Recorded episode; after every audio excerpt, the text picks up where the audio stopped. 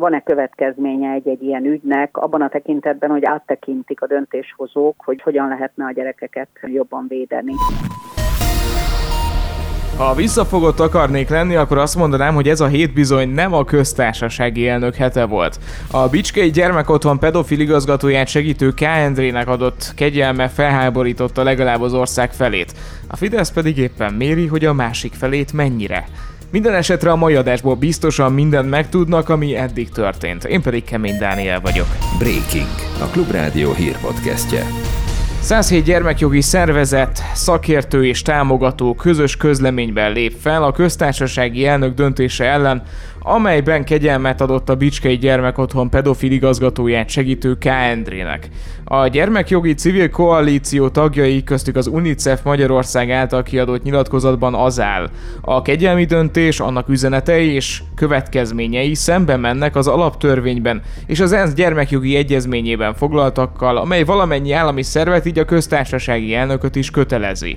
Herzog Mária szociológus a Gyermekjogi Civil Koalíció egyik alapítója a Klubrádiónak arról beszélt. Nagy hangsúlyt kell fektetni arra, hogy a jövőben hasonló eset ne fordulhasson elő nem csak magára a kegyelem elfogadhatatlanságára tér ki ugye a koalíció, hanem arra is, hogy itt meg kell az nézni, hogy vajon mi történt azokkal a gyerekekkel és az ott dolgozókkal, kaptak-e segítséget a feldolgozáshoz, volt-e továbbképzés, hogy felismerjék ezt, van-e következménye egy-egy ilyen ügynek, abban a tekintetben, hogy áttekintik a döntéshozók, hogy hogyan lehetne a gyerekeket jobban védeni. Az a fajta rendszer szintű utánkövetés és támogatás, ami a nemzetközi gyakorlatban abszolút követelmény, az Magyarországon teljesen esetlegesen történik. Tudomásunk van róla, hogy nagyon sok más intézményben, hasonló esetekben nem volt pénz és kapacitás arra, hogy pszichológus tudjanak igénybe venni, hogy a gyerekek számára megfelelő terápiás segítséget nyújtsanak. A szakmának az volna az elvárása, értelemszerűen, hogy szóba álljanak velünk, és ez ne politikai szintű, hanem szakmai döntés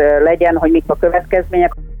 Laszkvi János, Gundel Takács Gábor és Tomán Szabina után Novák Katalin újabb tanácsadója sorolt ki az elnöki kegyelem mögül. Az ügyről, a döntésről, a kialakult helyzetről egyértelmű a személyes véleményem, amit nem is rejtek véka alá magánemberként. Teljes mértékben elfogadhatatlannak tartom a kegyelmi döntést, ez közölte a hvg.hu megkeresésére Cejzel Barbara. Távozik Szörényi Levente is. A köztársasági elnöknek címzett üzenetében azt írja, kérem fontolja meg, hogy a kialakult helyzetben képes lehet-e még betölteni a nemzet egységét megtestesíteni hivatott pozíciót. Mindeközben nem állítanám, hogy Novák Katalin annyira rosszul lenne. Sőt, a köztársasági elnök botránya kellős közepén diplomáciai kirándulásra ment Katarba. Az államfőt katonai tiszteletadás mellett fogadja Tamim bin Hamad al-Sani Katari emír. Itthon az MNB várakozásainál is alacsonyabb lett az infláció az elmúlt időszakban, az áremelkedési ütem ezzel majdnem három év után került ismét a jegybank célsávjába. Gyenge volt a kereslet és a termelési költségek is csökkentek. A bázishatás mellett ez vezethetett az infláció jelentős csökkenéséhez, mondta a KNH Bank vezető elemzője. Német David hangsúlyozta azonban, hogy bőven vannak még a nagyobb áremelkedés irányába mutató kockázatok. Azért látunk olyan elemeket is, ami óvatos óvatosságra int, ilyen például a piaci szolgáltatások esetében a hóelei magasabb áremelések, például az üzemanyagoknál februárban azért volt egy drágulás, és nagyon sokan azt várják, hogy nem is tud érdemben lefelé kerülni a nyersanyagnak az ára, sőt akár emelkedhet is. Emellett pedig vannak olyan szállítási költségek, ami, amiatt merülnek föl, hogy hosszabb úton kell eljuttatni termékeket távol-kelet felől, vagy közel-keletről Európába. Úgyhogy ezek ezek mind-mind olyan kockázatok, amik továbbra is jelen vannak az inflációs pályában. És egy picit ezt reprezentálja is az, hogy a maginfláció az jóval magasabban is van, mint a főinflációs szám, nagy Márton egyébként egyből gyújtogatta az örömtüzeket, és kijelentette, hogy az infláció gyakorlatilag összeomlott Magyarországon. Ennyi volt, köszönjük szépen viszont hallásra. A HVG kalkulációja viszont arra mutat rá, hogy a bezuhanó infláció mögött látható folyamatok inkább arra utalnak, hogy sokan például a fűtésen kezdtek spórolni, olyan rossz helyzetben vannak. Megszakítaná az elsőajtós felszállási rend bevezetésére meghirdetett programját a BKK, így tudja a Telex. A lap megkeresésére a közlekedési központ az értesülés nem erősítette meg, de nem is cáfolta. Közlésük szerint erről még nem született konkrét döntés. Karácsony Gergely alapvetően jó iránynak tartja az első ajtós felszállási rendet, de a döntést, a végleges döntést rábízza a szakemberekre. Én ezt, én ezt szakmai kérdésnek kezelem, az első sajtó felszállás szerintem alapvetően egy helyes irány. Én, ha jól értem, akkor bizonyos dolgokat most nem akarnak meglépni, nem később. Szerintem ez egy olyan szakmai kérdés, amit rá kell hagyni azokra, akik nap nap látják a tapasztalatokat ezzel kapcsolatosan. Az Egységes Közlekedési Szakszervezetet már hétfőn tájékoztatta a BKK arról, hogy felfüggesztik a 8 óra utáni felszállási rend bevezetését, és már csak néhány újabb vonalon fogják kipróbálni, mondta az érdekképviselet elnöke a Klubrádiónak. Naszai Gábor szerint egyébként nem jó megoldás az időszakos elsőajtózás, mert a buszvezetők és az utasok számára is követhetetlen. Ez a vegyes rendszer ez nem feltétlen működőképes. Még mit figyeljen a járművezető, hogy most megállok, most elsajtoznom kell, a következőben nem.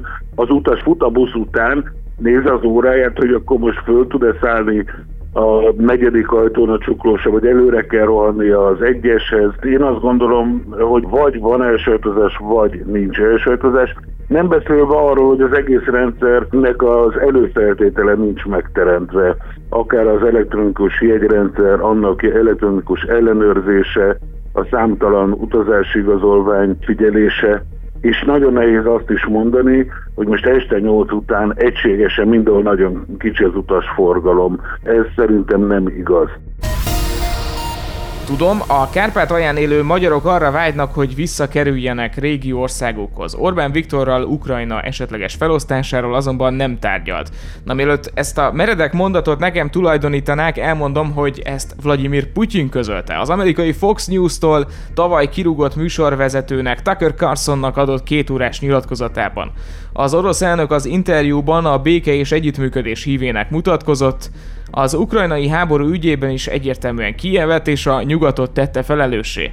A magyar miniszterelnökkel is több ízben interjúzott Tucker Carlson az interjúban alig ha izzasztotta meg Putyin, sokkal inkább tűnik úgy, hogy körbe táncolta, korábban pedig arról a meggyőződéséről beszélt, hogy a nyugati médiumok hazudnak az orosz-ukrán háborúról, kész vége ennyi.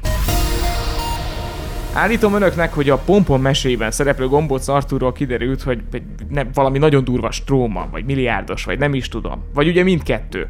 Ennyi csokoládéra ugyanis nincs az az ember, akinek hamarosan pénze lesz. A kerek csokoládét, a szögletes csokoládét, a hosszú csokoládét, a rövid csokoládét, a gömbölyű Globális rekordot döntött ugyanis a kakaó ára. A száraz időjárás károsítja ugyanis a nyugat-afrikai termést, erről cikkezik a BBC.